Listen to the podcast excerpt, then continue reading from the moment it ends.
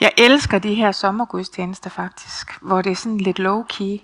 Jeg elsker, at det er Silas, der står med en guitar, i stedet for at vi har et helt band og det helt store setup. Det kan jeg også godt lide. Altså sådan må det virkelig ikke lyde, fordi det kan jeg virkelig også godt lide. Men det her, det kan også noget, at det er enkelt. Fordi så har vi ham i fokus. Så har vi ikke alt det der udenom i fokus. Det kan nogle gange måske stjæle lidt for os, og at vi kan blive distraheret. Men det her, så har vi bare ham i fokus. Tak Silas. Det er fantastisk. Jeg elsker det. Og det er også low-key for mig i dag, fordi der er heller ingen powerpoint. Så det stjæler heller ikke fokus. Og måske kunne det så være en fordel, for det kan også være med til nogle gange at holde os fast. Men det er der heller ikke i dag. Så det er virkelig sommergudstjeneste i dag. Og det er skønt. Og det er sommer udenfor igen, igen, igen. Vi skal i dag være sammen om en tekst fra 1. Korintherbrev. Øhm, det er fra øh, kapitel 3, vers 5-9. I Korintherbrevet, der øh, er Paulus jo sådan lidt efter de her kære Korinther, fordi der er, øh, hvad hedder det, stridigheder, der er uenigheder i menigheden. Så derfor så skriver han til dem.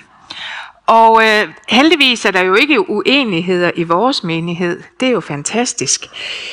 Men det han skriver i hans breve, det giver os bare rigtig meget øh, uanset om der er uenigheder eller enighed eller hvad der er, så kan hans breve bare noget specielt. Jeg kan godt lide Paulus, jeg kan godt lide hele bogen. Men, men han kan bare noget, og det kan virkelig give os noget øh, til at tænke over i dag også. Øh, fordi vi bliver også påvirket af rigtig meget udefra, øh, som kan stjæle igen opmærksomheden. Øh, så det er lidt det, vi skal have fokus på i dag. Øh, hvem er det, vi følger? Det er nemlig Herren. Og det er det, det hele sådan lidt kommer til at, at, at handle om. Og jeg elsker den sang, vi også sang nu her. Herre, jeg vil gerne tjene. Tjene dig og dig alene. Brug mig, som jeg er. Han kan bruge, som, han er, som vi er. Han har skabt os. Han har givet os de evner, vi har. Men det er ham, vi vil tjene. Og det er ham alene. Og det er lidt det, vi skal have fokus på i dag. Så det var fantastisk, vi startede ud med den sang. Jeg har valgt at give det overskriften prædiker, eller præd, øh, prædikanter, ikke prædikner, prædikanter er Guds tjenere for evangeliet. Vi kan nogle gange godt, det har jeg i hvert fald også kunnet, se op til de her kære præster. Wow, det må være noget specielt. De må være gjort af et helt specielt stof. De må have en speciel evne, en speciel gave. Men de er Guds tjenere for evangeliet. Jeg vil læse, øh, Start med at læse fra 1. Korintherbrev, det vi skal være sammen om. Så hvis I har mulighed for det, og hvis I har lyst til det, så må I gerne rejse op. Og så skal vi høre 1. Korintherbrev kapitel 3, vers 5-9. Hvad er da Apollos? Og hvad er Paulus? Tjenere. Ved I hvem, eller ved hvem I kan tro, og hver for sig tjener vi med den gave, Herren gav. Jeg plantede, Apollos vandede, men Gud gav vækst. Så hverken den, der planter, eller den, der vander, er noget, men det er Gud, som giver væksten. Den, der planter, og den, der vander, er ét, og enhver skal få løn efter sit arbejde. For vi er Guds medarbejdere, og I er Guds mark og Guds bygning. Amen. Så må I godt sætte ned igen. Inden vi lige går helt ind i teksten her, så hopper jeg lige et skridt tilbage til vers 4, hvor, øh, hvor Paulus han har det her spørgsmål. Når en siger, jeg hører til Paulus, og en anden siger, jeg hører til Apollos, er I så ikke slet og ret mennesker? Paulus han afslutter faktisk et argument her, som han begyndte allerede i kapitel 1 i vers 13. Hvor han spørger, er Kristus der blevet skilt eller delt? Var det, måde, eller var det måske øh, Paulus, der blev korsfæstet for jer, eller blev I døbt til Paulus' navn? De kristne bør se, at den splittelse, der opstod, det var jo i Korinth, den splittelse, der er der. Den opstod på grund af forskellige vurderinger af forkynderne. Stygtighed, og det førte til, at evangeliet ikke blev forkyndt korrekt. Hvem er Apollos, og hvem er Paulus? Paulus han tager sagen op igen og ser den fra en ny side her, i det vi lige har læst fra vers øh, 5 til 9. Det er akkurat det samme igen. Øhm, men han nævner kun Paulus, altså ham selv og Apollos. Øhm, han ser det med et nyt spørgsmål. Der tvinger han læserne til at se, at brudet også er baseret på en fejlvurdering af prædikanternes rolle. Den rolle, de spiller i menigheden. For at de kan se det, så indleder han nemlig med det her spørgsmål. Hvem er da Apollos? Og hvad er Paulus? Og selv så kommer han efterfølgende med svaret. Lige med det samme, der siger han, tjenere, gennem hvem du har troen.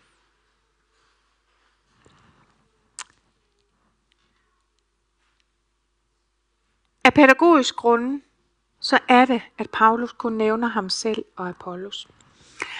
Og det gør han, fordi de er tjenere. Han bruger ordet tjener. Nu skal jeg lige vrøvle her rigtig meget. Øh, han nævner kun dem her. Det er fordi, jeg i dag ikke har det printet ud. Min printer er gået i stykker, og Runes er gemt væk. Og det er rigtig sommer, og jeg vrøvler. Af pædagogiske grunde, så nævner Paulus kun ham og Apollos. Og det skyldes sikkert, jeg kan jo ikke vide det med sikkerhed, men jeg tænker, at det skyldes, at den uenighed om forkynderne, det er egentlig ikke det, eller det er det, han vil beskæftige sig med. Men fordi han vil have dem til at tænke på en anden måde, så hvad prædikanterne egentlig er, øhm, og ikke hvilken opgave de har i menigheden, så nævner han kun de to. Han nævner dem, som de kender. Det er dem, der har været der helt fra starten og bragt evangeliet til Korinth. Så det er naturligt, at han kun nævner dem, som menigheden kender fra arbejdet i Korinth.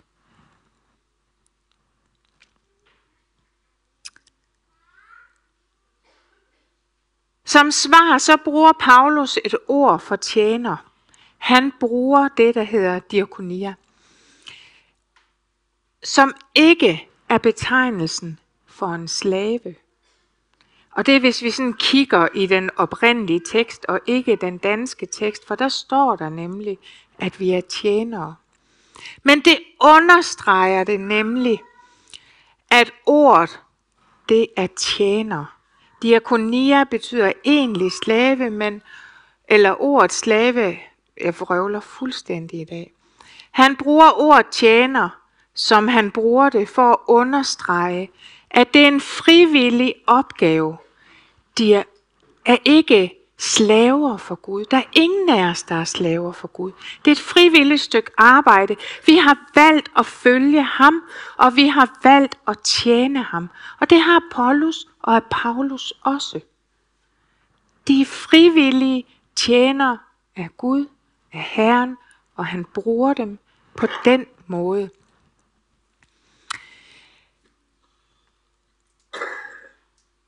Han, jeg plantede, siger Paulus, eller siger Paulus, og Apollos, han vandede. Men det var Gud, der gav væksten. Vi er ingenting uden ham. Paulus han ønsker i den grad her at understrege, at arbejdet i en menighed, en menighed som vores, alle menigheder, er at arbejde i Guds tjeneste. Og det er også det, han vil understrege til dem, for de jo har sagt tidligere, at nogen følger Paulus, nogen følger Paulus. Det gør de ikke, de følger Kristus. Det er en menighed i Guds tjeneste. Og det er det, han gerne vil understrege, at de arbejder i Guds tjeneste. Prædikere er tjener. Rune er tjener. Der udfører det stykke arbejde, de er blevet tildelt. Alle er tildelt et stykke arbejde. Det er gennem deres arbejde, at de kristne i Korint er kommet til tro. Og derfor er prædikanterne ansvarlige over for Gud alene. Ikke over for andre, men over for Gud alene, når arbejdet bærer frugt er det, fordi Gud han griber ind og giver vækst. Det er ikke kun på grund af de sår og vander. Det er Gud, der giver væksten. Det er ingenting uden ham. Så hverken den, der planter, eller den, der vander, er noget. Endnu en gang. Og det kan ikke siges nok, synes jeg, er det, at Gud giver væksten. Der er forskel på det arbejde, øh, som de skal udføre. Den ene får det grundlæggende arbejde og så, og den anden får øh, det fortsættende arbejde, kan man kalde det, det er vande, at han skal fortsætte. Paulus han såede, og Apollos han skulle fortsætte arbejdet. Men igen, det den ene er ikke mere værd end den anden.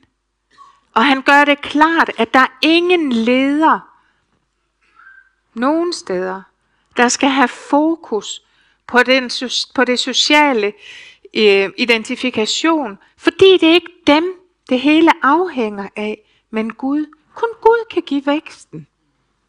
Vi kan gøre det arbejde, Gud har givet os, og lave fundamentet. Men det afhænger af, at han giver væksten. Paulus og Apollos vil han også gerne lægge vægt på her. De arbejder i harmoni med hinanden. De samarbejder som medtjenere. Det er noget af det, der også har været stridighed om, og de ligesom har kørt det op jo, at den ene vil følge den ene og den anden. Men de arbejder sammen. De tjener sammen Gud. Det er ikke ligesindet, eller det er ikke, som jeg så pænt har skrevet, som Rune grinte lidt af, det er ikke lighedsideologi i vores tid forstand. For det er ikke ensartethed eller det at være som andre, men en enhed. De er ét. Paulus han skriver et andet sted, menigheden er ét læme. Vi er ét. Der er og skal være forskel på dem, for Gud har givet dem forskellige arbejde og også forskelligt bøvl og besvær. Det har han også med os her i menigheden. Forskelligt arbejde og forskellige udfordringer. Men det skal ikke vejes, og det skal ikke dømmes af menigheden, siger han. For det er Guds sag, og han vil dømme det retfærdigt. Så enhver for løn, han tilkommer ham i forhold til det slid, han har gjort. Det er Gud, der skal dømme. Begge er afhængige af Gud. De står lige som Guds arbejdere, og det er ikke resultaterne, menigheden ser, der er det afgørende.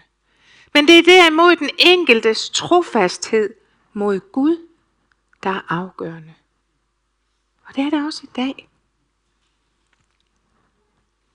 Når Paulus nævner løn, så er det ikke for at tilskynde til løn, men for at understrege, at det ikke er kirkens sag at have nogen mening om, hvilken løn den enkelte tjener har tjent, har fortjent, som det omstridt i Korinth er.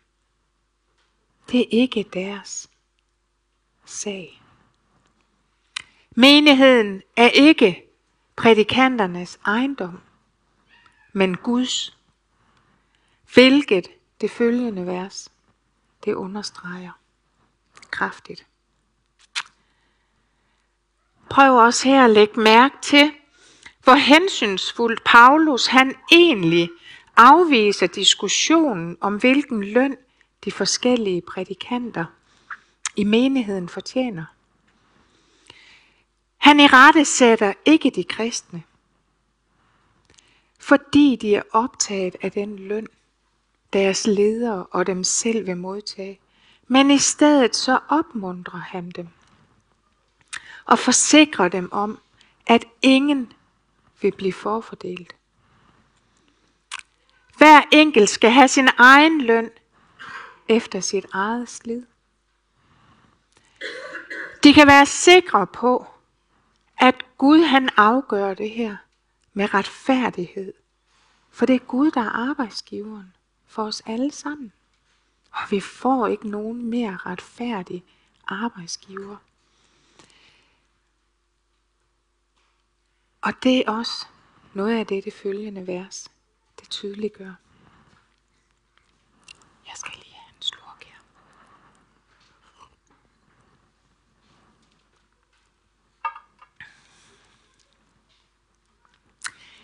Selvom han ikke har løn i fokus, så tanken om løn, den afvises heller ikke. Øhm, Paulus han taler jo også om løn senere, faktisk allerede i vers 14. Det er diskussionen om løn, som andre og vi fortjener, der vil blive skubbet til side. At løn er i virkeligheden underfortjent. For vi har intet at komme frem til Gud med til den tid. Øhm, løn er altid løn af ufortjent nåde, Den løn, han giver os.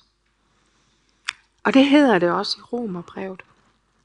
For den, der arbejder, regnes hans løn ikke som en gave, men som hans skyld. For ingen skal prale over for Gud. Vi kan sammenligne det med de svar, Jesus han også giver, for eksempel i Lukas brev 10. Øhm, så også I, når I har gjort alt, hvad I er blevet befalet, siger, vi er uundværlige tjener. Vi har kun gjort, hvad der var vores pligt. Vi er uundværlige tjenere. Og det gælder os alle sammen. I den tid, der var der også skatteopkrævere, som fulgte Kristus. Dem ville menigheden jo bestemt ikke betale løn. Men de var alle sammen tjenere. Og det er vi også i dag. Vi er alle sammen tjenere. Men Gud han skylder os ingenting. Og alligevel så giver han os løn. Det er jo fantastisk.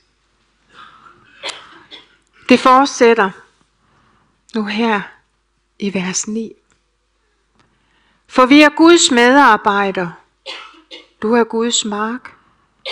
Guds bygning. Når de kristne de skældner imellem deres ledere,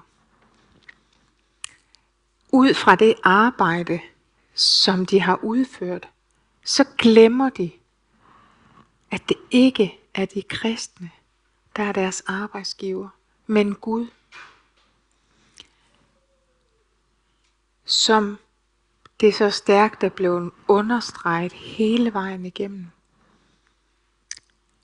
at det er Gud, der kommer først.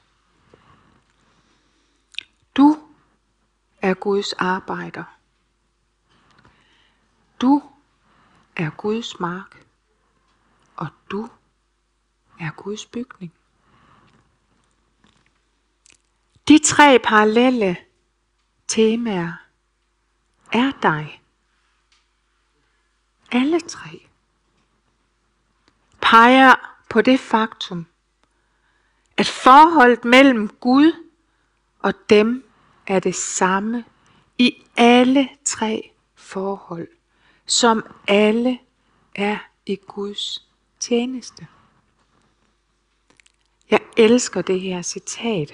Det har jeg hørt af en underviser, og jeg har desværre ikke fundet ud af, hvor han har det fra. Uden Gud kan vi ikke. Uden os vil han ikke. Jeg synes, det er stærkt. Uden Gud, der kan vi ikke. Men uden os, der vil han ikke. Wow. Tænk, hvis vi kan leve fuldt ud efter det. Guds felt, som det står. Hvis man tager det igen tilbage til det græske ord, så er det ikke et passivt ord, så er det et aktivt ord. Vi kunne godt opfatte det passivt, fordi det er jo ikke noget, vi måske sådan lige kan flytte på. Men sammenhængen er tanken, at menigheden er Guds mark. Menigheden her er Guds mark. Og det er den, han arbejder på. Han arbejder på marken. Derfor så er det aktivt.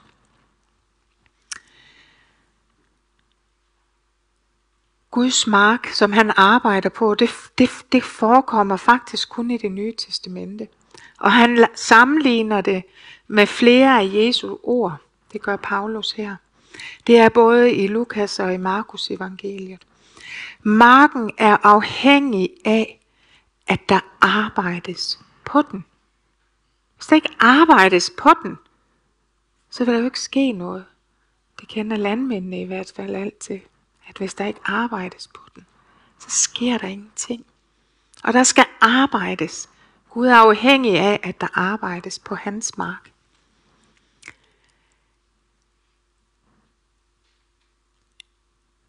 Men arbejdet er nyttesløst,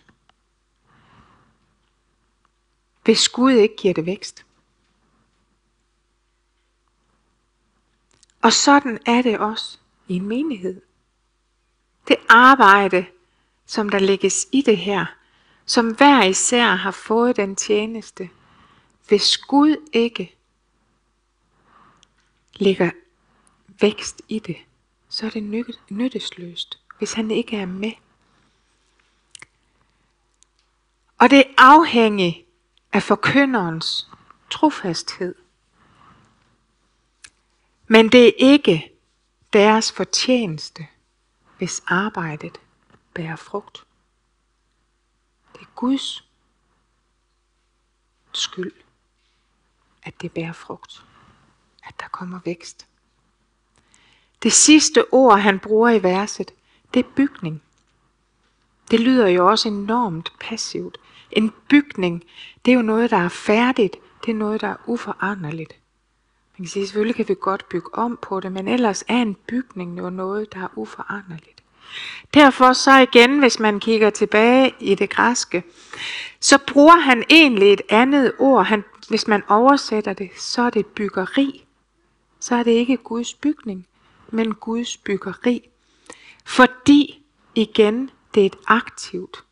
Det er Guds bygning, der er under opførsel. Det er ikke en passiv bygning. Det er en aktiv bygning, der er under opførsel. Og således, der bruger han den her aktivitet, eller bringer den her aktivitet frem, som ved, at de andre udtryk med marke og bygning, som vi har nu her i det her vers, det alt sammen er med Gud som herre, der ejer helheden, og det er ham, der hersker over arbejdet. Ingen andre.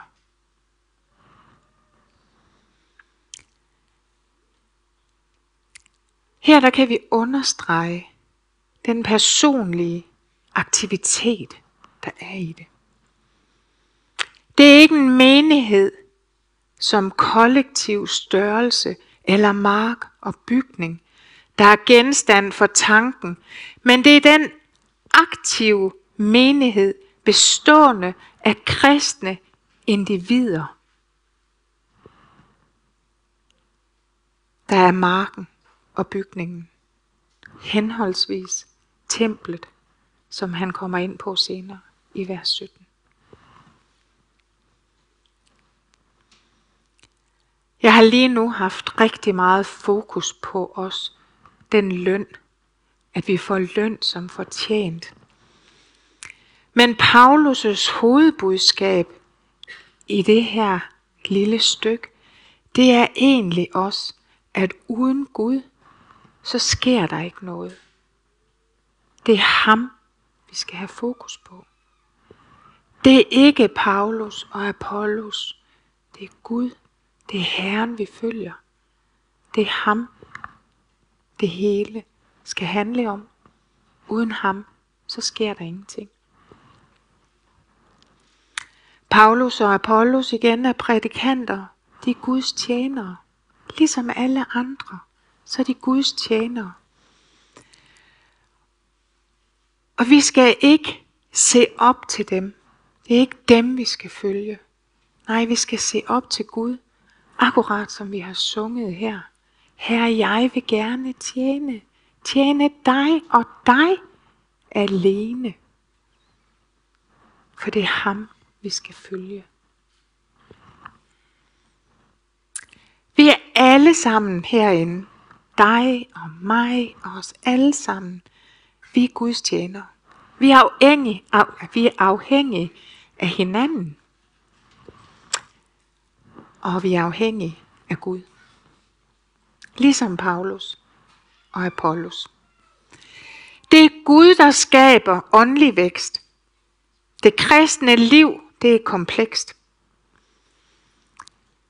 Øhm, men vi skal huske på, at selvom der også kan være bum på vejen, når vi er tjenere, at alt det her, alt det han giver os, det er jo fordi han elsker os. Vi kommer jo ikke til det her. Han giver os ikke alt det her. Giver os den løn, som jeg snakkede om før. Uden at der er kærlighed i blandt det. Paulus han troede ikke dengang, at de kunne leve som, hvad vi i dag kan kalde kødelige kristne. Det fokus på det kødelige, altså fokus på øhm, netop de ting, der sker. Øhm, og det kan vi heller ikke. Vi kan ikke kun leve øhm, uden at have fokus på nogle forkerte ting, uden at have fokus på penge eller de ting, som kan distrahere os, som gør os til kødelige kristne. Samtidig så har vores liv som troende tider med fremskridt, og det har tider med tilbagegang. Og det er de bump, vi fører, eller vi, øh, vi oplever. Men derfor så skal vi fortsætte med at leve i overensstemmelse med ånden. Vi er alle Guds medarbejdere med forskellige opgaver. Og vi er i gang med, som vi jo også har hørt og som vi ved, måske er der nogen, der ser med på hjemmefra som første gang, men så har I jo hørt om, i gang med at bygge en ny kirke. En fysisk ny bygning. Øh, og det sker jo også i takt med, at menigheden den er vokset. Og det er jo fantastisk, at rammerne bliver for små. Men hverken kendt eller dig, Rune, kan tage æren af, at menigheden er vokset. Det er der kun én, der kan tage æren af. Og det er Gud.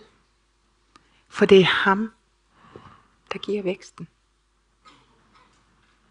Og alle herinde har gjort, har sået på en eller anden måde. Måske sætter du med en tanke om lige nu,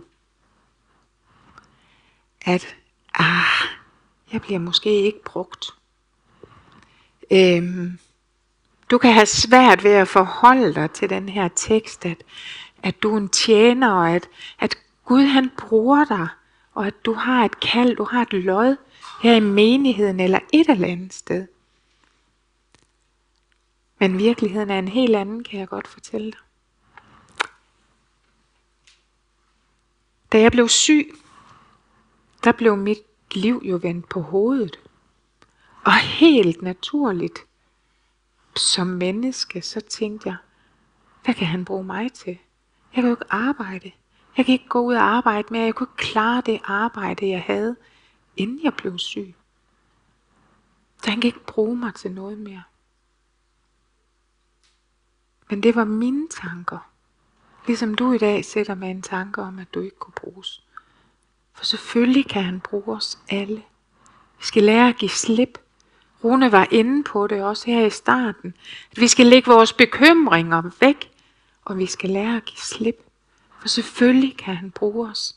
Selvom der sker nogle omstændigheder i vores liv, selvom det tager en anden drejning, end vi måske havde forestillet os at have regnet med, selvom du går og tumler med et eller andet lige nu, så kan han bruge dig. Han kunne også bruge mig. Det var en tanke, det var en følelse, jeg havde. Og da jeg lærte at give slip og komme af med den tanke, så blev der jo plads til, at jeg rent faktisk kunne høre, hvordan han gerne ville bruge mig. Da jeg slap bekymringen om, at jeg ikke var noget værd, så gav jeg plads til ham. Og så blev jeg ledt en helt anden vej, end jeg egentlig havde forestillet mig. Men jeg elsker den vej, han har ledt mig på. Så det er en tanke, du sætter med, hvis du sætter med den. Det er ikke en tanke, der kommer, eller en følelse, der kommer fra ham. Det kan jeg godt love dig for. For alle herinde har et lod. Alle herinde sår eller vander. Det kan være et smil. Det kan være en kommentar. Servere kaffe. Det er så mange ting. Lovsang. Børnekirke. Alle på en eller anden måde sår vi eller vander vi. Men det er Gud, der giver væksten. Men husk, uden ham er vi ingenting. Men uden os, der vil han ingenting. Han vil ikke gøre det uden os, og han vil ikke gøre det uden dig. Vi er alle sammen en del af hans kæmpe puslespil. Der er vi en vigtig lille brik. Og uden dig, uden din brik, så er puslespillet ikke komplet.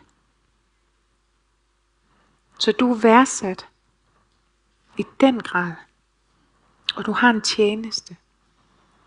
Og husk, det er en tjeneste, det er valgfrit. Om du vælger at tjene ham, om du vælger at følge ham. Du er ikke en slave. Du er en tjener af Gud. Men hvor er det en fantastisk følelse. Og det giver så meget at få lov til at være hans tjener. På mange forskellige måder. Så jeg kan kun opfordre dig til det. At være en tjener af ham. Og det skal vi også øh, give dig mulighed for nu. Hvis du sidder her og ikke har vidt dit liv til Jesus endnu. Ikke øh, helt måske har taget skridtet. Og det kan også være dig derhjemme. Så skal du have mulighed for nu at sige ja til, at du gerne vil give dit liv til Jesus. At det er ham, du vil følge. Det er ham, du vil se op til. Og ikke alle mulige andre. Han skal være dit forbillede. Og sikke et forbillede vi har. Så lad os bede sammen. Og jeg vil starte med at bede en øh, bøn til frelse. Øh, og bagefter så vil jeg gå over og bede en helt almindelig, dejlig bøn. Og jeg ved ikke, Sila, som du har lyst til at spille lidt i baggrunden til det. Sådan stille og roligt. Du bliver altid. Du får ikke lov at sidde og slappe af og nyde her. Lene afsted. Men jeg vil også gerne lige igen minde om Runes ord fra Peters brev. Giv slip på dine bekymringer. Læg det over til ham. Og når vi lærer at gøre det, så bliver livet helt anderledes. Så kan vi sænke skuldrene, og så kan vi høre, hvad det er, han har at sige til os. Så det kan jeg også kun opfordre dig til, når vi beder her om lidt. Ja.